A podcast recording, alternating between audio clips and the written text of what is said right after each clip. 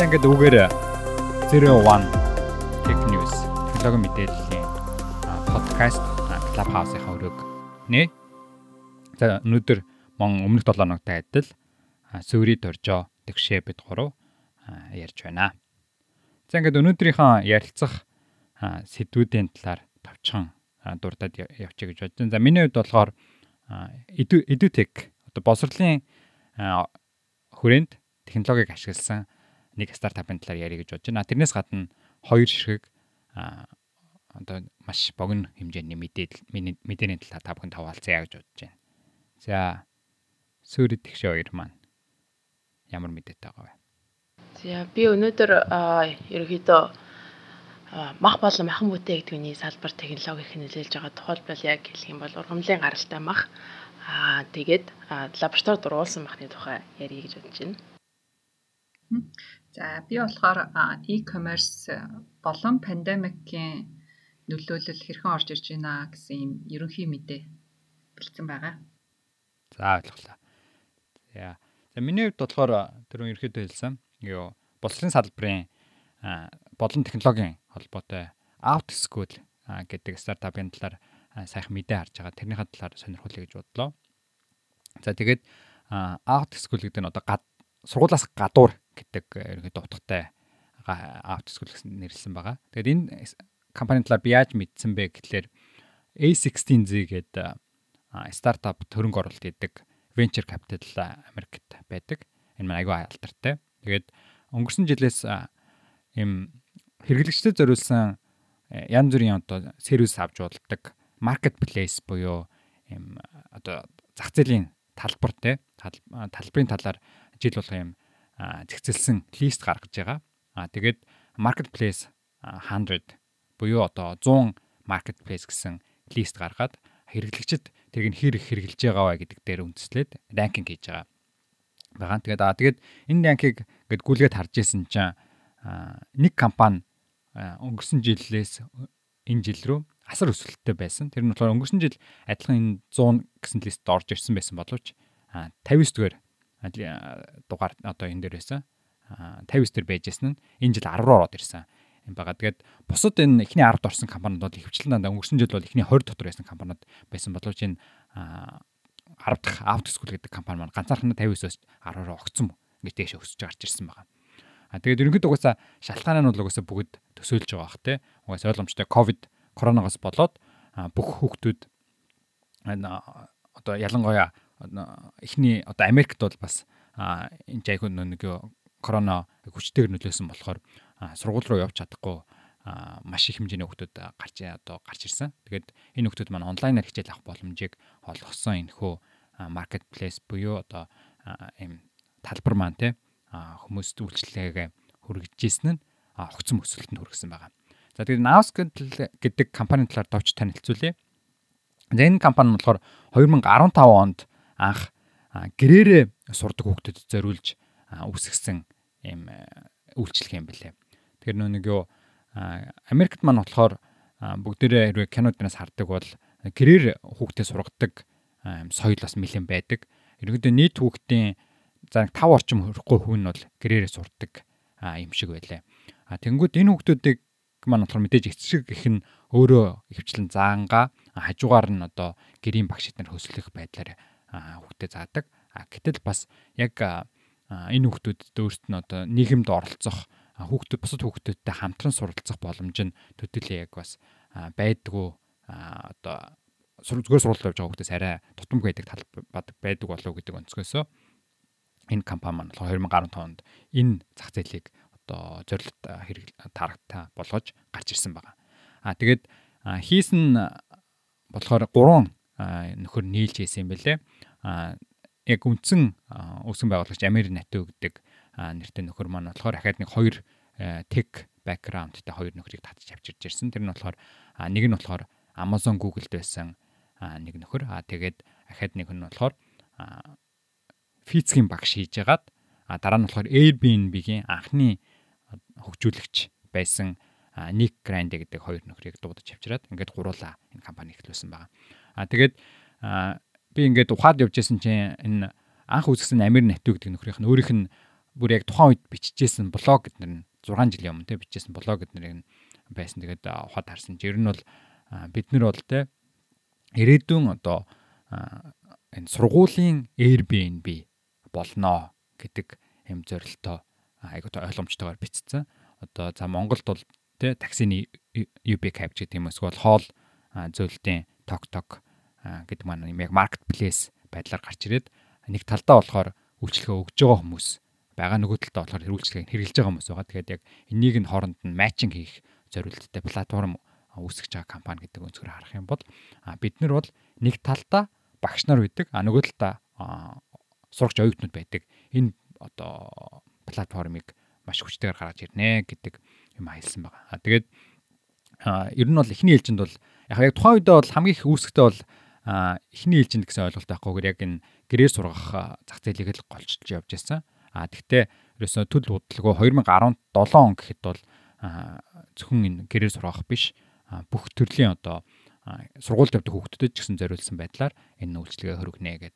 За тэгээд энэ яг үйлчлэгээний өөрсдийг нь хэлж байгаагаар бол гурван том давуу талтай байгаа гэж байна. Нэгдүгээрт болохоор энэ үйлчлэгээр нь болохоор бусад энэ онлайн босрлын одоо үйлчлэгнүүдэд ялгаатай нь шууд бодит цаг дээр яг бодит багштай ярилцсангаа жижиг одоо ангиар хичээллэх зарчмаар явагдана. Тийм болохоор нэгсэндөө багш нь өөрчилж видео биччихээ те. Тэрийг нь видеог нь хизээ нэгэн цаг дуртай үедээ үзнэ гэсэн юм бол биш. Одоо нэг багш байгаад тэрэн дээр ахаад нэг 5-аас 10 сурагч орж ирээд тэгээд бүгдээрээ онлайнаар хоорондоо ярилцсангаа одоо юм асуурья. А тэгжээж нөгөө нэг юу яг нийгмийн харилцаа маань дотор нь үүсээд хүүхдүүд ч гэсэн сонирхолтой яг анхаарлын тухайн үед нь яг татаад а тэгээд бус хүүхдүүдтэй бас ингэж харилцангаа энэ сурах боломжийг нь олгоё гэдэг номер 1 юм. А тэгээд хоёр дахь нь болохоор яг энэ юм дээрээ суурлангууд одоо нэг анги дотор 5-аас 10 хүүхэд одоо чинь байлаа гэж бодоход тэр багшийн одоо цалинг нь бол ингээд 5-аас 10 хуваагаа төлчих боломжтой байгаамаа гэдэг утгаараа яг ингээд бодит багш зааж байгаа боловч харьцангуй хямд үнээр заах боломжтой байна гэд. Тэгээд яг би сайт руу н ороод ерөнхийдөө ингээд гүйлгээд харж ангууд Америкийн стандартаар болж хямдхан Монголын стандартаар бол нэлээд үнэтэй болж таарч байгаа лээ. Нэг нэг цагийн хичээл нь нэг 10 доллароос 20 30 орчим долларын яг бүр хамгийн хямдхан нь бол 5 доллартай байгаа гэдээ бас бичсэн байлаа. Тийм байлаа. За тэгээд хамгийн сүүлийн юу нь болохоор давуу тал нь болохоор ойлгомжтой олон тооны одоо сурагч орж ирснээр аа багш нар орж ирснээр одоо олон маш олон төрлийн одоо хичээлийг үзэх боломжтой шүү гэдэг юм юм гэлж байгаа. Тэгээд ерөнхийдөө яг энэ коронавигоос болоод энэ салбар маань өөрөө огцом юм хэрэгцээ нь үүсээд одоо ингээд өнгөрсөн жилээс хойш бол мянган багштай байсан 10 дахин өсөд одоо 10 мянган багштай тухайн нэг цагт үед те өнөөдөр ихэд одоо 50 мянган анги бүртгэлтэй одоо 50 мянган анги гийн аль нэгийг нь өөрөө сонгох боломжтой. За тэгээд орлого нь бол бас 10 дахин өссөн юм байдалтай байгаа юм билэ. Аа тэгээд бас ерөнхийдөө эднэрийн бас одоо энэ асуудалд хандж байгаа өнцг нь бас бусад төрлийн одоо онлайн босрлын үйлчлэгнүүдээс арай нэг бас бодит одоо нэг харилцаан дээр тогтож байгаа гэдэг нь өрөмж санагдаад бас илүү өнөөдөр сонгоод ярьлаа.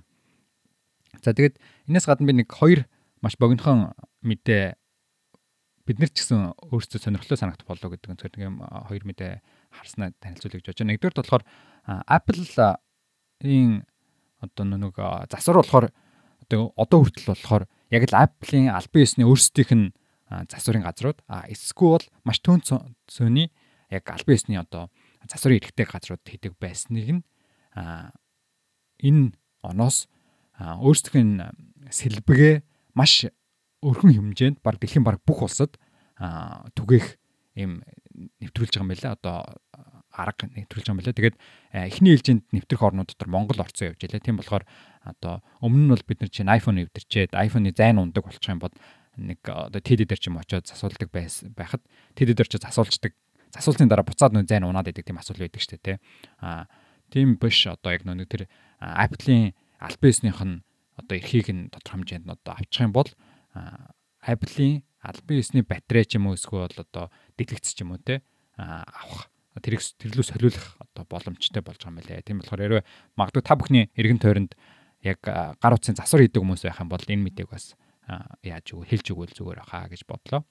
За хоёр дахь нь болохоор яг дөнгөж энэ Clubhouse эхлээс өмнө хараад сууж нэг мэдэн дээр Spotify Locker Room гэдэг комп юу сервис үйлчилгээ үзүүлдэг компани худалдаж авч байгаа юм байна. Аа тэгээд тэр компани юу гэдэг компани вэ гэхээр энэ Clubhouse дээр төстэй зөвхөн спортод зориулсан аудио room нээдэг үйлчилгээ үзүүлдэг компани юм байна. Бас түрүү оноос ерөнхийдөө нэлээд гарч ирж байгаа компани. Тэгээд ерөнхийдөө нэгэсэндөө юу гэж хэлж яана гэхээр Spotify одоо энэ Club Clubhouse-тэй яг адилхан ерөнхийдөө сервис рүү орлоо шүү гэдгээ өнөөдөр дөнгөж сая нэг 30 30 40 минутын өмнө зарласан байна. Тэгээд одоо бас яг энэ чиглэлийн одоо энэ аудио үйлчилгээнд бас юу болохыг бас харжээ. За тэр Apple-ийн засварын төв нээт юм билүү? Тийм, гэс тэгээд эрхийг нь аваад. Манай сүүлийн үеийн югаар бол баг 70-аас дээш хувь нь яг iOS-с худалдаа авалтууд орж ирж байгаа. Сүүлийн үеич явахтай ерөн бол ерөнхий трендээр. Тэгэхээр iOS-ийн хэрэглээ болон худалдаа авах чадамж маш өндөртэй Монгол улс бол. За би болохоор энэ энэ удаа ер нь хоолны хувьд те ялангуяа махан махан бүтээгдэхүүний хувьд food tech гэж ярьдаг. Энэ хөөг маркетинг тухай, индустригийн тухай ер нь яриа гэж бодож байна. За энэ тухайд нь ерөөхдөө яг тэр дундаа гол нь лаборатори дургуулсан мах яагаад ойрын үед ер нь бас нэлээд сенсацлагдаад байгаа Сингапурт саяхан өнгөрсөн хонд бас ресторан зарж эхэлсэн. А за мөн тэгээд plant based meat буюу ургамлын гаралтай а тийм махны тухай ярих гэж бодож байна. За ерөөхдөө нэг товчхон одоо хэр зэрэг энэ мах махан бүтээгдэхүүний салбар гэдэг маань хэр зэрэг маркеттэй гэхээр энэ бол маш том амар том салбар байгаа. За ойролцоогоор дэлхийд нэг ойролцоогоор 1.4-өөс 2 триллион долларын ийм мах мах махан бүтээгдэхүүний салбар байдаг юм энэ асар том. За тэгээд түүнээс гадна а улам одоо дэлхийн эдийн засгийг хөгжигдсөн маа одоо буурай хөгжилтэй орнууд улам хөгжигдсөн маа махан бүтээгдэхүүний хэрэглэх одоо тоо хэмжээ нь улам их ихсдэг. Тэгэхээр одоо цааш ингээд яг харах юм бол Африк байна, одоо Азийн орнууд байна, Хятад байна гэх мэт орнууд одоо улам хөгжигдсмаа мах махыг хэрэглэх нь ихсэх нэ. Тэгэхээр ирээдүйд ер нь мах махан бүтээгдэхүүний энэ маркет маань улам их том болно гэдэг ийм судалгаа байгаа. Тэр бол хүн болгомоор мэдж байгаа. За тэгээ гол нь мах махан бүтээгдэхүүний салбарын махыг үйлдвэрлэхийн төлөө ойролцоогоор ерөөсөө энэ бидний нүүрс хүчлийн хий гэж ярьдаг штэ тий. Хүлэмжийн хий. Дэлхийн цагаагаар өөрчлөлт оруулдаг энэ хүлэмжийн хийний 10-аас 12 хувийг нь зөвхөн энэ салбараас гаргад юм байна. Тухайлбал гэх юм бол өхөр одоо өхрийг маш ингээд томор фарм дээр хөгжүүлэх юм уу те тэнцээс маш их одоо газ гардаг. Бас миний нэг аналог подкастер байсан лээ ярьж ирсэн сэдв те дэлхийн цаг агаар явуулжтай холбоотой. За тэгээд энэ хүү юм том маш том нөлөө үзүүлдэг энэ салбар. А гэхдээ ерөөсөө ирээдүйд бол хүн энэ мах махан бүтээгдэхүүнийг хэрэглэх нь гарцаагүй. Тийм болохоор заавал хэрэглэгдэнэ гэдэг ийм нэг салбар байгаа. За тэгвэл энийг яаж шийдэх вэ гэдэг талаас нь харах юм бол alternative meat market буюу одоо энэ махыг амтны гаралтай махыг хэрхэн солих вэ гэдэг энэ салбар байгаа. Тэгээд ойролцоогоор нь ойрын 10 жилдээ энэ хөө мах махан бүтээгдэхүүний энэ салбарын нэг 10% нь бол эзлэх боломжтой дахиж өсөх боломжтой гэдэг бас юм судалгаа байгаа юм байна. А гэхдээ мэдээж энд бол нэлээд юм hurdle буюу одоо асуудлууд гол замд нь бол зөндөө байгаа л да. Тэгэхээр ойролцоогоор 140 тэрбум долларын юм бол зах зээл бол энэ ингээд бэлэн байгаа юм байна гэдэг ийм бас зарим хүмүүсийн одоо хөрөнгө оруулагчдын бас судалгаа байгаа. За ингээд яг харах юм бол бас 2015 онд 2.2 тэрбум долларын хөрөнгө оруулалтыг татчихсан бол venture capital-аас татчихсан бол 2020 онд гэх юм бол 8 тэрбум долларын өнгөрсөн жилдээ хөрөнгө оруулалтыг ер нь татаад байгаа юм байна. За тэгээд энэ мэдээг бас сонгосон нь бас ойрд бас нэг тиймэрхүү хөрөнгө оруулалт бас татагдсан мэдээ байсан учраас тэрнээс бас сэтэлж сонгосон юм л та.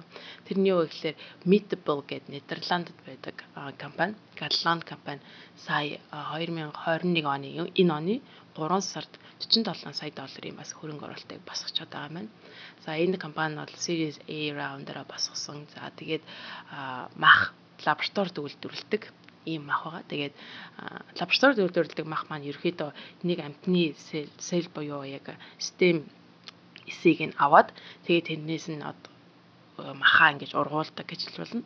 За тэгээд ургуулгахдаа бол ингээд яг амтнд ногоо идээл тэ ус угаал ингээд хэрэгтэй витамин аваад ядагтай адилхан тэр эсийг нь яг тэгж тэжээгээд тэгээд яг юм мах гаргадаг. За энэ компани болохоор ерөөдөө гахаа мах болон тэг үхрийн махыг үйлдвэрлэх зорилготойгоор ингэж гаргаж ирсэн компани. За тэгээд бас Mosa Meat гэдэг компани бас энэ оны 2 сард бас дахиад 85 сая долларыг бас гаргасан. За тэгээд эдгээр компаниуд ерөөхдөө Европт нэлээд байдаг. Тэгээд ойролцоогоо нэг 2025 он гэхэд бол үйлдвэрлэх хүм төвшөндөө хийнэ гэдэг тийм тэгээ олон нийт зарах mass production руу орно гэдэг ийм зорилготойгоор ерөнхийдөө явж байгаа. За тэгээд ингээд яг мах махан бүтээгдэхүүний энэ лабораторид ургуулдаг махын тий lab grown meat ингээд харах юм бол Европ ч юм уу Израиль компаниуд бас нэлийн хүчтэй явж байгаа юм шиг байна. Дараа нь ингээд хойно харах юм бол ер нь Америк бас нэлийн хүчтэй биш байхаа нь тэр regulationтэй бас нэлийн холбоотой байх л та гэж бодож байна. За тэр тухай бол дараа нь дуртай гэж бодож байна. За тэгээд түрүүнд нөгөө хамгийн анх хэлжсэн Сингапурт 2000 20 оны 12 сард тий өнгөрсөн оны 12 сард яг сүүлээр э, дахианы махыг яг ресторанд ингээд зарсан байгаа. Энэ хөө дахианы мах нь лабораторид ургуулсан мах ямар ч нэгэн амтныг алаагүй, ямар ч амтны амийг хөнөөгөө махыг яг энэ ресторанд хийж зарсан. Энэ энэ компани бол Just Eat гээд Just Food гэдэг энэ компани байгаа Сан Францискод барилттай. А за тэгээд энэ компани бол ерөөхдөө хамгийн анх эхлэхдээ бол 2011 онд анх байгууллагатай бол Eat Just Egg гэдэг тим бүтээгдэхүүн гаргасан. Тэр нь бол ерөөхдөө ургамлын гаралтай өндөг гэсэн үг. Scrambled egg гэдэг шүү дээ. Нөгөө өндгөө ингээд юу гэдэг лээ утгаад шарах арга тийм маягаар идэх боломжтой өндгийг бол гаргаж ирсэн. Тэгээ омлетик ч юм уу scrambled egg эсвэл ингээд нэг stir fry fooдэнд бас хэрэлдэг ийм гаргаж ирсэн ийм байгаа компани байгаа. Тэгээ сүүлд бас энэ онд дахиад нэмээд 200 сая долларыг бас босгосон. Тэгээ ерөөдөө just food бол нэлээд ингээд хамгийн advanced төвшөнд бас явж байгаа. Ургамлын гаралтай өндөг тэгээд лабораторид гаргуулсан дахиагаа одоо Сингапурт хам дэлхийн хамгийн анхны лабораторид ургуулсан одоо махыг олон нийтэд хүргэж зарж байгаа ийм жишээ болж гаргасан. Энэ бол нэлээд юм дуулан тарсан тийм хэрэг байсан. За тэгээд үний хувьд байх юм бол энэ хүү лабораторид гурвуулсан энэ дахианы мах нь бол ойролцоо 23 доллар зарагдсан. Гэхдээ мэдээж энэ бол яг жихэн өртгөө бол барьж аваагүй маш их алдагдaltaй зарж байгаа. Гэтэ бол олон нийтэд төрхийн төлөө зарж байгаа гэсэн тийм одоо мэдээлэл юм байна. За за тэгээд ингээд лабораторид ургуулсан мах аа гэдэг сонирхолтой. Яг бол яг л мах шиг онцгддаг. Тэгээд шарж байгаа шефүүд нэтэр те тоогооч нь хэлчихэд яг л мах шиг дахины мах шиг ерөөс өөр юм байхгүй гэж яг ингэж өөрөө ярилцлага өгч байгааг нь би бас сонсон. За тэгээд лабораторид ургуулсан махнаас гадна нөгөө төрлийн бас мах нь болохоор plant based meat гэж байгаа. Тэр нь болохоор ургамлын гаралтай мах гэсэн үг. За энэ нь бас яг амтан аллаагүй, амтны ам хөрөөгөө а тэгээд яг ургамлын гаралтай. Тэг vegan буюу vegetarian хүмүүс өдр идэх боломжтой. Учир нь юм бол ямар ч амтны гаралтай хүнс оруулаагүй зөвхөн ургамлын гаралтай байгаа. За тэгээд энэ хоёрын энэ канто plant based meat-ний бол нэлийн том тоглогч нар нь бол Impossible Meat байгаа. А тэгээ Beyond Meat гэж хоёр компани байна. За Impossible Meat бол ерөөхдөө бүр Series G round-ээр хүртэл мөхрөнгө оролцсон ойролцоогоор 1.4 тэрбум долларыг одоо хүртэл босгочод байгаа. За тэгээд үнийн хувьд бол гэх юм бол ойролцоогоор ердийн махнаас ер нь хоёр дахин үнэтэй. Гэхдээ ерөнхийдөө одоо үнэ багасгах гал үзэж байгаа юм байна л дээ. Тэгээд Impossible Meat-ийг бол одоо Америкт бол Burger King-д идэж болдог. Аа тэгээл элдв төрлийн нэг хүнсний дэлгүүрийн сүлжээ дэлгүүрүүдээс бас яг Impossible Meat-ийг худалдаж аваад өөрсдөө бас гэртээ идэх боломжтой. Би бас идчихсэн ер нь бол Америкtajгүй яг махарах уу а хэлэхгүй бол мэдхгүй билээ хэлчих юм бол мэдхэр юм билээ тиймэрхүү тийм зүг байгаа. Гэтэ яг нь мах яддггүй хүмүүст бол яг мах мах шиг санагдаад бол зүгээр л юм билээ. За тэгээд Beyond Meat гэж бас байна. Beyond Meat саяхан бас нэг шүүгэнд арсан болохоор сая 2 сард KFC, Pizza Hut-ыг эзэмшдэг Yum гэдэг компани байдаг. Тэдрийг тэр компанитай гэрээ хийсэн. А тэгээ энэтэй хамтдаа нийлээд ерөөхдөө тийм бас plant based ургамлын гаралтай мах махан бүтээгдэхүүн протеинийг үйлдвэрлэе. А тэгээ тэрийг хөгжөө R&D хийгээд ийм бас гэрээ хийсэн. А за мөн нэг сард PepsiCo тий Pepsi компанитай хамтдаа Beyond Meat нь хамтдаа бас партнершип байгуулад Planet Partnership гэдэг зүйлийг байгуулаа. Энэ дээр бас бас ургамлын гаралтай протеиныг PepsiCo-д хамтран хийгээд аа тэгээд түүнээс гадна PepsiCo-гийн энэ хүү амар том сүлжээ байгаа шүү дээ. Тэрүүгээр яаж ургамлын гаралтай зөвхөн ургамлын гаралтай протеин зарах вэ гэдэг тийм зүйлүүдийг хийсэн ба. За энэ бол нэлээд бас хүчтэй төрөлд болж ирж байгаа гэж ойлгож байна. А энэ Beyond Meat нь болохоор 2019 оны 5 сард IPO хийсэн компани гоё. За тэгээд та бүхэн хувьцааг нь бас худалдаж авч болно гэсэн үг. Тэгээд одоогоор 8 биллион буюу 8 тэрбум доллараар үнэлэгдээд байгаа ийм компани байгаа юм байна. Тэгээд ер нь бол нэлээд сонирхолтой санагдсан. Би ч гэсэн одоо хувийн хувьд өөрийнхөө хүний хувьд ч юм бол цаг агарын өөрчлөлтийг яаж багасгах уу гэдэг талаас нь хармаар тэрэнд бас хөрөнгө одоо контрибьют хийж байгаа гэж хэлж болно одоо амтны амийг хүнээхгүй гэдэг талаас нь за тэгсэн ирнээсээ яг л нөгөө нэг адилхан чанартай махыг худалдаж авах талаас нь энэ бас сонирхолтой сэдв санагдсан. За тэгээд мэдээж энэ бол тийм дардан замтай биш. Тэрэнд нь юу байгаа гэхээр засгийн газар зөвшөөрөл олох гэдэг бас нэг том том зүйл байна дээ даваа байна. Энийг бас давах хэрэгтэй. Европ, одоо Ази орноо Сингапур бол түрүүнд ингээ бүр баталчлаа шүү дээ. Дэлхийн хамгийн анхны лаборатори дургуулсан махыг хүмүүс идэж болно гэж зөвшөөрсөн ийм улс болчлоо. Одоо Европ бол ерөнхийдөө бас хайрцан гайгүй юм шиг. Америкийн хувьд гэх юм бол нэлийн одоо махны индустри гэдэг маань махны салбар маань маш том. Тийм болохоор тэрнээс нь сөрөг хүчин гарч ирэх лоббид болох бас нэлээд магадaltaй тийм хэцүү бас юм шиг байгаа. Тэд нар ч нэлээд мөнгөтэй хүмүүс аа тий. За тэрнээс гадна хоёр дахь том асуудал нь гэх юм бол энэ consumer буюу одоо хэрэглэгчдийн perception-ыг өөрчлөх. Тэг хэрэглэгчдийн энэ лаборатори дургуулсан махны тухай бодох бодох төр бодол хийж үйлдэлийг нь бас өөрчлөх. Тэрэнд нь сургалт явуул сургалт ч юм уу тий. Одоо бодох бодол educative маяг юм хийх хэрэгтэй болж байгаа юм тохиолдож авах. Ялангуяа сүүлийн үед бол нэг органик хүнс хэрэглээ гэдэг нэг тэм тренд айгүйх яваад байгаа. Тэгэхээр ингээд лаборатори дургуулсан махыг харахаар органик биш юм шиг тий. Plant based нь болохоор тийм махыг харахаар яг ингээд бүгд лабораторид хийгээд үйлдвэрлэсэн мах processed мах учраас бас нөгөө талаас эсрэг байгаа. За тэгээд эдгээр зүйлүүдийг нь бас нэлээд давах даваа хэрэгтэй. Ийм махны одоо tech food tech-ийн тухай мэдээ байна. Аа. Энэ айгуу сонирхолтой сэдв. Ялангуяа дөнгөж нэг тэгш яг хамгийн ихэнд яриа эхлүүлэхдээ хэлсэн. А одоо нэг бидний энд яг өнөөдрийн амьдарч байгаа одоо яригдж байгаа дэлхий дээрх хамгийн том асуудлуудын нэг нь яг харахгүй өөрөө одоо ерөнхийдөө махнаас болоод үүсээд байгаа тийм олон төрлийн утгаараа.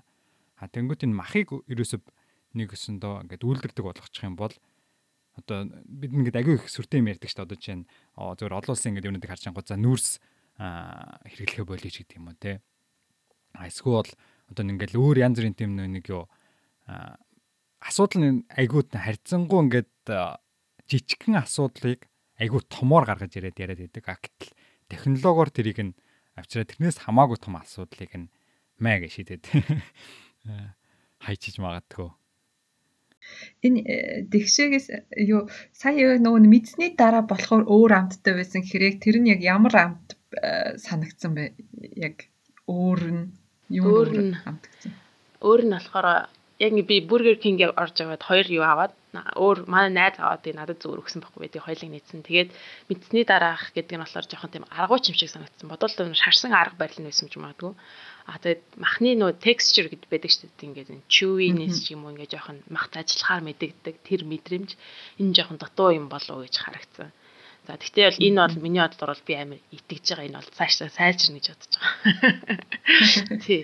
Тэр талаас нь жоохон тэр чөвинээс нь жоохон дутуу юм шиг санагдсан. Аха. Тэр тэр тал дээр юу юм шүү.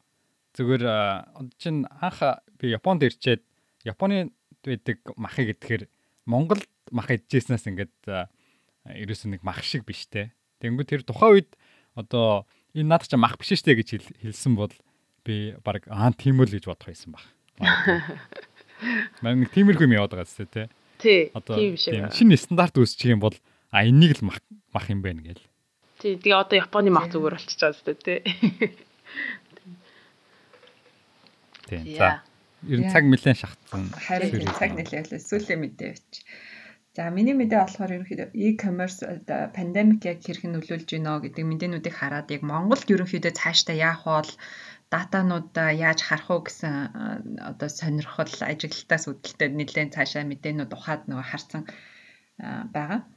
За Тэгээ илүү South Asia өмнөд Азийн 6 улс болон яг хаа ерөнхийдөө дэлхийн чиг хандлага дээр яг e-commerce-ууд болон пандемикийн нөлөөллүүд хоорондоо яаж уялдж байна, явж байна гэдэг энэ талаар яриа. Аа 2020 оны Q1-ийг Q4-тэй харьцуулахад ерөнхийдөө дунджаар нэг 30-аас 60% өсөлтүүд одоо нэг улс орнуудаас хамаарат e-commerce дээр өсөлтүүд гарсан байна гэд. Энэ нь болохоор веб эхнийх нь болохоор сая энэ өсөлтийн тоог нь болохоор веб visitor буюу одоо яг веб руу очилж байгаа хүмүүсийн тоо бол Азийн 6 яг гол key гэж байгаа одоо өмнөд Азийн Сингапур, Малайз, Вьетнам, Тайланд, Филиппин гэд 6 улсаар бол 52% өсөлт гарч ирсэн байна. За хамгийн өндөр нь Сингапур, Филиппин, Вьетнам гэдэг улсууд доошоо олж агсаад явж байна гэд.